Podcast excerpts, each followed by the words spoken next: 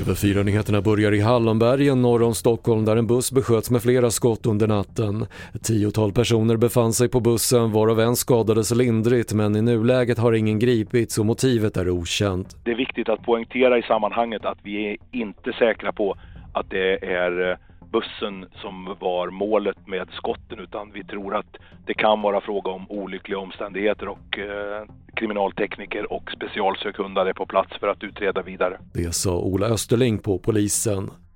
Orkanen Ian ökar i styrka igen och väntas dra in över South Carolina idag enligt amerikanska vädermyndigheten. Delar av Florida är fortfarande strömlöst och översvämmat och myndigheterna beskriver orkanen som den värsta naturkatastrofen i delstatens historia. Och fem riksdagspartier vill följa Finland och stoppa ryska turister att komma in i Sverige visar en undersökning TV4-nyheterna gjort. Moderaterna och Socialdemokraterna säger nej till ett stopp och Moderaterna vill vänta på ett avgörande för hela EU medan Socialdemokraterna lämnar beslutet till nästa regering. Fler nyheter hittar du på TV4.se. Jag heter Patrik Lindström.